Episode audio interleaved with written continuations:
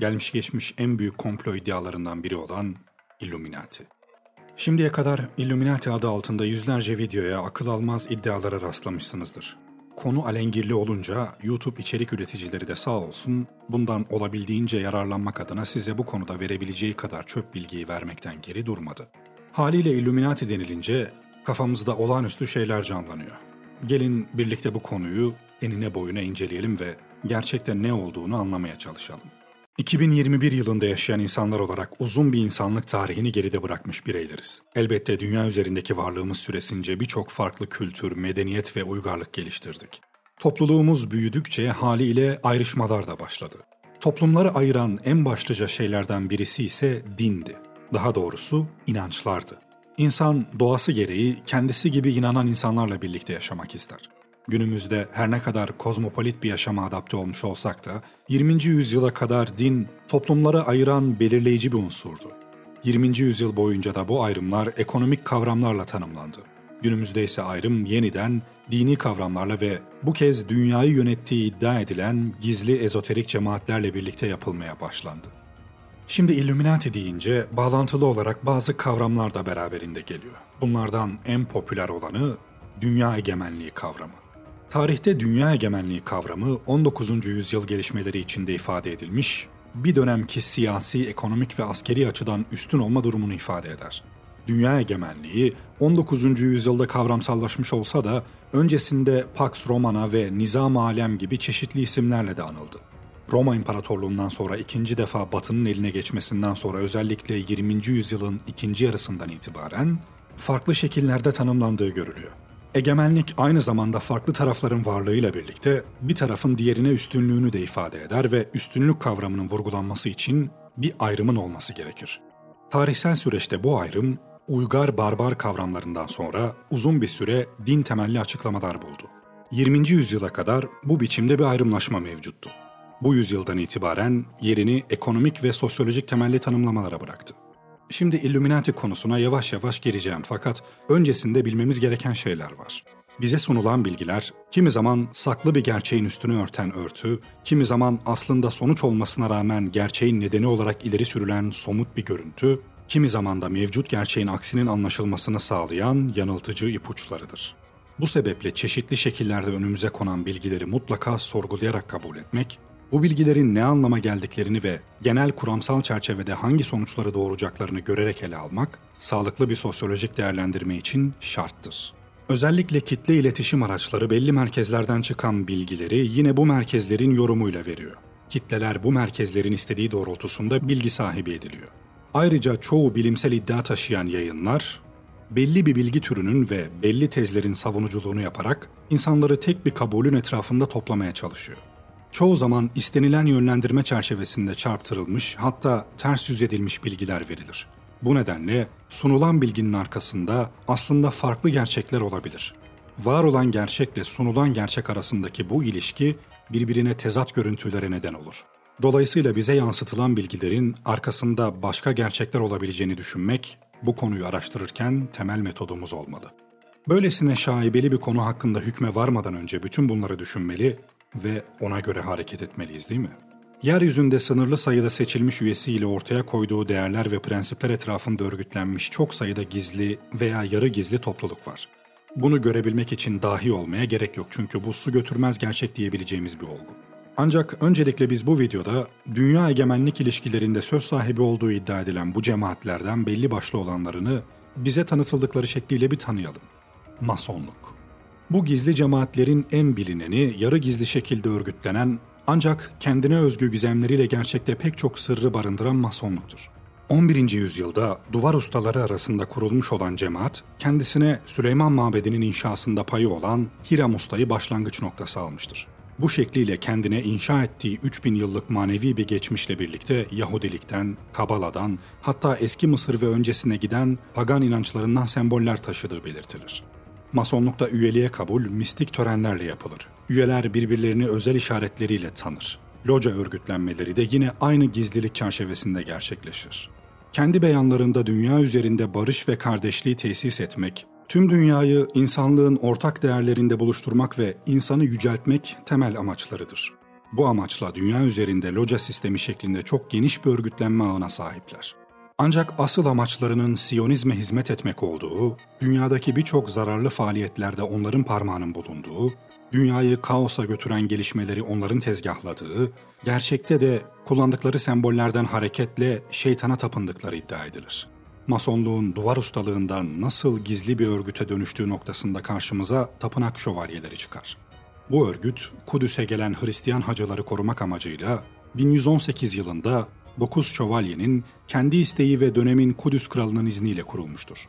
Bu kutsal hizmetleri için Süleyman Mabedi'nin kalıntıları üzerinde bulunan Kudüs Sarayı'nın bir bölümü kendilerine ayrılmıştı. Ancak iddiaya göre gerçek amaçları sarayın temelinde olduğu sanılan ahit sandığını bulmak ve mabedi yeniden inşa etmekti. Bu amaçla kalıntılarda başladıkları kazılarda buldukları şeyler onları bambaşka yönlere sevk eder. Birincisi Hristiyanlık öncesine ait pagan öğretileri ve büyü teknikleri ki örgütü tam anlamıyla mistik ve ezoterik yapan da budur. İkincisi Hazreti İsa'nın evlendiği ve bir çocuğu olduğu iddiasını kanıtlayan belgeler ve hatta Hazreti İsa'nın karısı olduğu iddia edilen Magdalalı Meryem'in mezarı. Bu iki unsur örgütün Katolik kilisesinin aksine farklı bir Hristiyanlık yorumu ortaya koymasına ve Tanrı İsa öğretisi yerine evlenip çoluk çocuğa karışabilen insan İsa'yı belgeleriyle birlikte ortaya koymak, kilise karşısında çok önemli bir koz elde etmelerini sağlamıştı. Ancak Hazreti İsa'nın varisi kavramı Katolik kilisesinin otoritesini şiddetli bir biçimde sarsacağından, papalık verdikleri imtiyazlarla zaman içerisinde güçlenen örgütü daha fazla güçlenmeden dağıtır. Liderlerini ve üyelerinin büyük çoğunluğunu öldürür. Bu tarihten sonra örgüt daha doğrusu askeri kanat tapınak şövalyeleri tasfiye olurken siyasi kanat Siyon tarikatı yer altına iner. Örgütün bundan sonraki amacı Hazreti İsa'nın aslında daha geriden Hazreti Davud'un soyundan gelen varisi Katolik Kilisesi'nin kıyımından korumak ve zamanı geldiğinde kurulacak olan Birleşik bir Avrupa devletinin başına kral olarak geçirmektir. Siyon tarikatı bu amaçla yer altında faaliyet gösterirken bir yoruma göre masonluğa dönüşür. Başka bir yoruma göre ise masonluğun içine fark edilmeden eklemlenir ve örgütü kendi çıkarları doğrultusunda biçimlendirerek yayılmasını sağlar. Örgütün nihai hedefinde kurulacak olan sistem eski pagan inançlarından etkiler taşıyacaktır. Hz. İsa'nın soyunu korumalarına rağmen asıl gerçek eski putperest inanç ve geleneklerine çok bağlı olmalarıdır. Bu düşünceye göre Yahudi felsefesi diye bilinen Kabala da gerçekte ritüel ve sembolleriyle eski pagan inançlarının bir tezahürüdür. Nitekim tapınak şövalyelerinin idamına bir gerekçe olarak da keçi kafalı ve ayaklı Baphomet adlı bir pagan tanrısına tapınmaları gösterilmişti. Tapınakçılar tüm semavi dinlere düşmandırlar. Kurmak istedikleri sistemde de getirecekleri kral sonuçta bir anti-mesih yani deccal olacaktır. Tüm örgütlenmeleri bu sonuca yöneliktir. Tüm dünyada örgütlü ve etkilidirler. Avrupa Birliği projesinin altındaki gerçek güç de aslında Siyon tarikatıdır. Avrupa'yı ve dünyayı bu geleceğe adım adım hazırladıkları iddia edilir. Kuru Kafa Kemik Örgütü ABD'de 1832'de kurulmuştur. Sembolündeki kuru kafa ve kemik aynı zamanda masonluğun sembollerinden biridir. Ancak masonluğun içine yerleşmiş daha elit ve gizli bir örgüttür. Temel amacı gizli idealler doğrultusunda dünyanın yönetiminde kritik yerlere adam yetiştirmek ve yerleştirmektir. Her sene 15 kişiyi seçer, yetiştirir ve ileride önemli görevlere getirir küresel gizli örgütlenmenin tepesindeki mekanizmaya adam devşirme örgütü vazifesi görür. 1843 yılında ise 12 Alman Yahudisi tarafından New York'ta Benai Brit adında bir örgüt kurulur. Bir Yahudi örgütüdür ve genel kabule göre Yahudilerin dünya üzerinde egemen güç olma yolundaki faaliyetlerini yürüten ve kontrol eden unsurdur. Masonları ve diğer gizli ezoterik örgütleri kontrol eder ve Yahudi çıkarları doğrultusunda kullanır. Yahudi haklarını koruma örgütü olarak lanse edilmelerine rağmen tüm dünyayı Siyonist emellere hizmet eden bir sisteme dönüştürmeyi amaçlayan bir kuruluş oldukları iddia edilir. Dünyayı Yahudiler yönetiyor tezinin ileri sürülme nedeni de bundan kaynaklanır. Bir yandan gizli örgütlerle ilgili küresel egemenlik algısı tesis etmeye çalışırken, diğer yandan da bu durumu Yahudilere bağlama eğilimi vardır. Bu algıya göre dünyadaki birçok işin arkasında Yahudiler vardır. Bohemian Kulübü ise 1872'de kurulmuş yarı gizli bir örgüttür. ABD'nin batı yakasındaki elitleri ve özellikle Cumhuriyetçi başkan ve başkan adaylarının tümü bu topluluğun üyesidir. Faaliyetleri son derece gizli olan topluluğun özel vadisine giriş, ABD devlet güçleri tarafından özellikle engellenir. Bohemian Kulübü hem çok zengin hem de en kilit noktalardaki elitlerin oluşturduğu daha üst ve çok daha gizli seçkin bir kulüptür. Sayıları bine yakın ABD'li elit insan her yıl belli bir dönemde Kaliforniya'da veya diğer eyaletlerdeki çiftliklerde ayin için toplanırlar ve gizli ritüeller uygulanır. 1973'e gelindiğinde Trilateral Komisyon örgütü ortaya çıkar. Tasarlanan yeni dünya düzenini tüm Kuzey Amerika, Avrupa ve Japonya'ya daha iyi yayabilmek için oluşturulmuş ve David Rockefeller, Henry Kissinger ve Zbigniew Brzezinski tarafından kurulmuş bir örgüttür. Tam anlamıyla gizli bir cemaat olmayan Trilateral Komisyon, küresel güçlerin dünya egemenlik ilişkilerinde ön planda yer alan organizasyonlarından biridir ve Dış İlişkiler Konseyi ve Bilderberg'le birlikte üçlü sac ayağının bir parçasıdır. Masonik sistemin yeni bir uyarlaması olan komisyon, ilk olarak Carter hükümetinde büyük güce ulaşmıştı. Hükümette Carter'ın kendisi dahil 20 önemli kişi komisyona üye olup, diğer üyeleri önde gelen finansörler, sanayiciler ve akademi uzmanlarıdır. Carter'ı izleyen hükümetlerde de komisyonun etkisi sürmüştü. Örneğin Bush ve Clinton birer trilateral komisyon üyesiydiler. Birçok önemli gizli ve ezoterik örgütten bahsettiğime göre gelelim videomuzun konusu olan örgüte. Illuminati bu işin neresinde? Illuminati çoğunluk tarafından gizli ve tehlikeli bir örgüt olarak bilinir. Peki eğer bu örgüt bu kadar gizli bir yapılanmaysa, nasıl oluyor da hakkında binlerce blog, video ve hatta yayınlanmış kitaplar olabiliyor? Bu soruyu bir komplo teorisyenine sorduğumuzda, hakkında bu kadar bilgi olması, gizliliklerini korumanın başka bir yolu şeklinde bir yanıt alabilirsiniz. Haklılık payı da var gibi duruyor değil mi?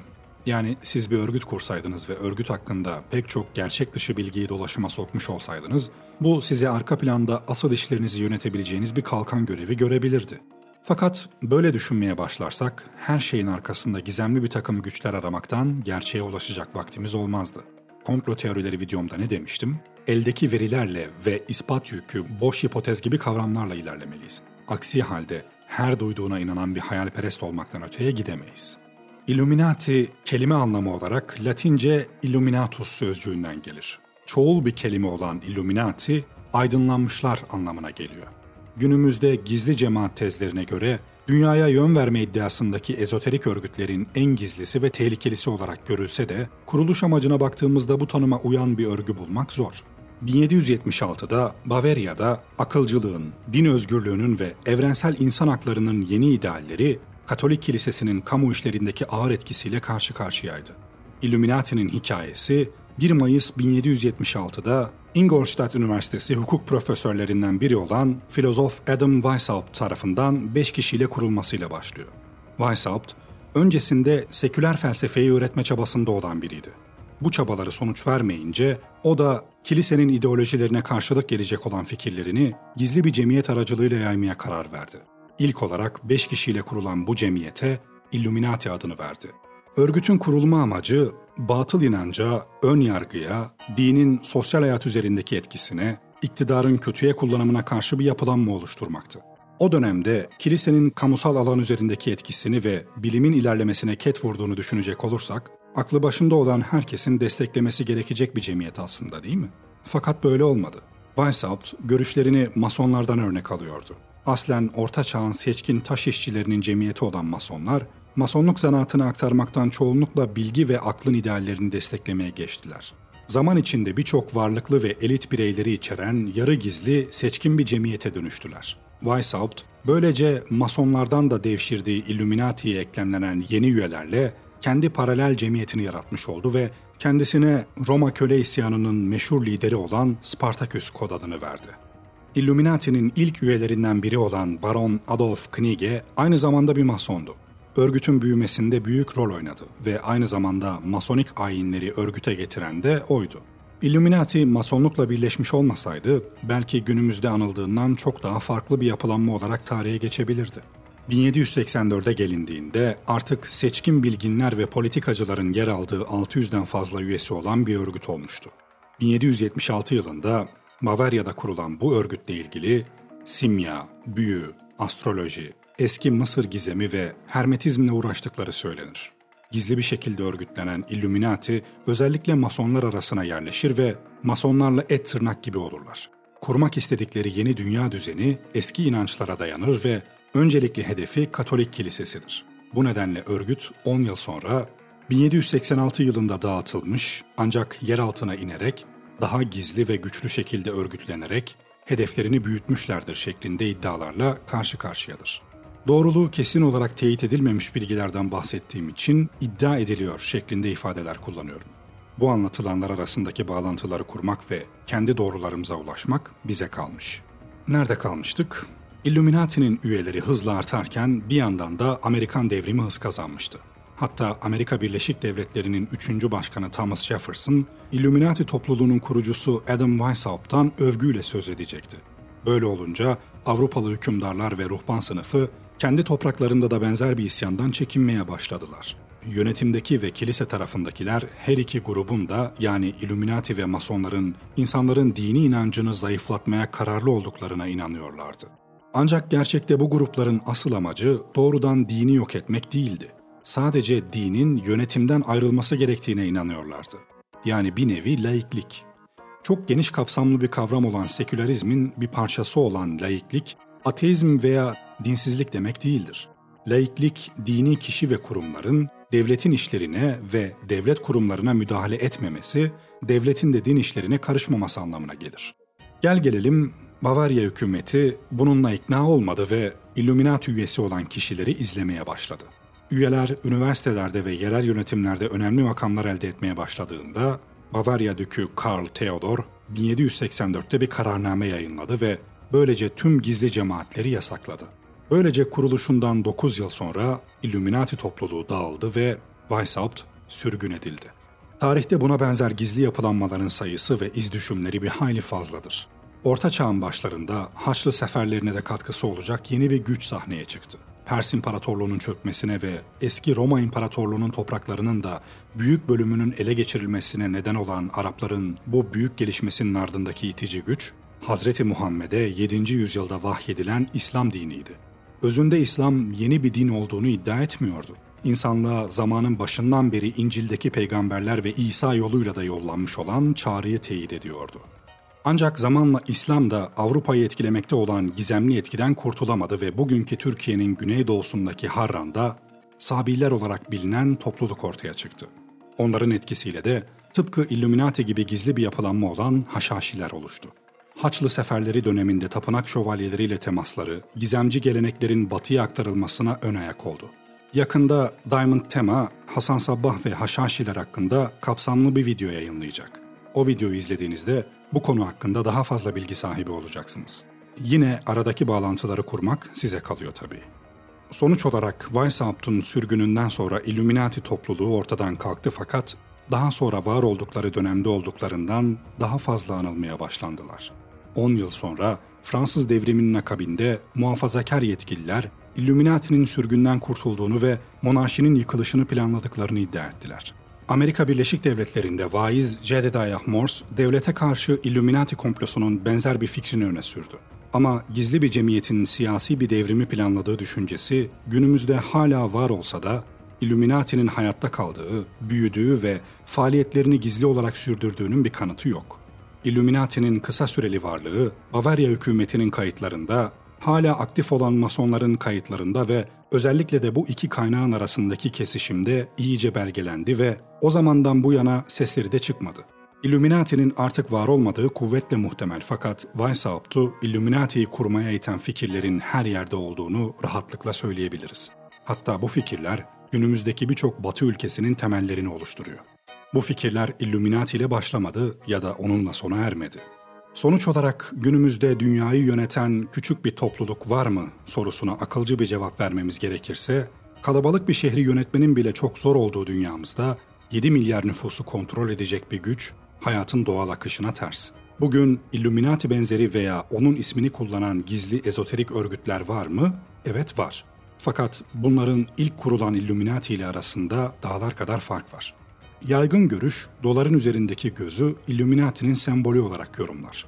Oysa bu göz, Eye of Providence yani Tanrı'nın her şeyi gören gözü anlamına gelir. ABD mührünün tasarımı Pierre de Smithir tarafından 2. ABD Başkanı John Adams'ın, 3. ABD Başkanı Thomas Jefferson ve Benjamin Franklin komitesine sunulmuştu.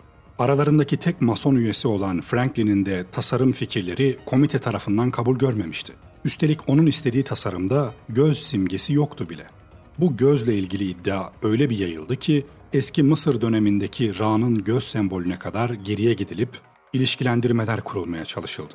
Ve sanki ortada çok eskiden beri süregelen bir komplonun olduğu imajı yaratılmaya çalışıldı. İslam dininde ahir zamanı geleceğine inanılan Deccal adlı kötü figüründe tek gözü olduğu söyleniyordu sonuç olarak.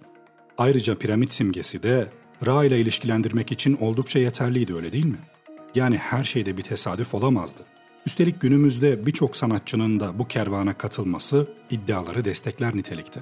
Günümüzde neredeyse var olan bütün kötü olayların çoğu doğrudan Illuminati ile ilişkilendiriliyor.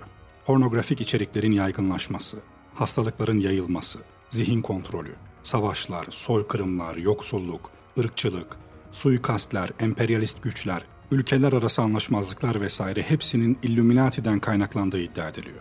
Adeta üstün bir kudrete sahip bir tanrı rolünde bizleri her daim her şeyi gören göz gibi izleyen bir örgütün bütün politik, ekonomik ve ideolojik meselelerin arkasında yer aldığı fikri gün geçtikçe birçok farklı olaydan destek alıyor. Elbette bazı sistemlerde aksaklıklar olabilir. Dolandırıcılık yapan şirketler, gerici düşüncelere sahip insanların yönetici konumlarda oldukları, ülkeler arası anlaşmazlıklar ve çatışmalar görülebilir ancak bunların tek ve nihai sebebini küresel bir kukla efendisine bağlamak, birçok gerçeği de görmezden gelmek demektir. Çünkü bu ideolojilerin, ülkelerin ve insanlar arası ilişkilerin hepsi çok uzun bir geçmişe, psikolojik ve sosyolojik etmenlere, dini doktrinlere, kültürel etkileşimlere ve pek çok faktöre bağlı olarak değişmiş, gelişmiş ve şekil almıştır. Illuminati kurulmadan önce de her şey dört dörtlük değildi ki kuruluş amacı seküler ve rasyonel prensiplere dayanıyordu. Ve günümüzde geçmişe oranla birçok haklara ve olanaklara sahip olmakla birlikte Illuminati hakkında en ağır sözleri bile başımıza bir şey gelmeden özgürce dile getirebildiğimiz platformlara sahibiz. Günümüzde gizli toplantılarda bulunan örgütlerin var olmadığı söylenemez kapalı kapılar ardında devlet sırları veya yönetimsel kararlar gibi birçok şey iyi veya kötü nedenlerden dolayı genel halktan gizleniyor ancak bu örgütlere atfettiğimiz güç sandığımız kadar da abartılı olmamalıdır. Çünkü söz konusu dünyayı yönetmekse herkesin güç arzusu ve yönetme şekli farklı olacağından üyeler ve liderler arasında her zaman tartışmalar olacaktır. Bu sebeple hepsini tek bir masanın etrafında oturur halde bütünüyle hemfikir olacak şekilde hayal etmek abestir. İnsanları kandırmaya çalışan kişi ve kurumlar eninde sonunda tıpkı eski büyük imparatorlukların artık olmadıkları gibi başarısız olacaklardır. Çünkü bilimsel araştırmalar, eleştirel düşünce ve kanıt temelli düşüncelerin yaygınlaşmasıyla özgür düşünce ve ifade haklarının olduğu bir dünyada gizlenen ve yasaklanmaya çalışılan şeyleri ifşa edenler her zaman görülecektir. Semboller kendi başına önemsizdir. Önemli olan onlara atfedilen anlamlar ve bağlantılarımızdır her şeyi gören bir sembolden korkmak yerine her şeyin zıddıyla kaim olduğu bir sembolden ilham almak daha iyi. Eğer bir kötülük varsa iyilik ona baş kaldıracaktır. Bunu yapamıyorsak zaten başımıza gelen her şeyi hak ediyoruz demektir.''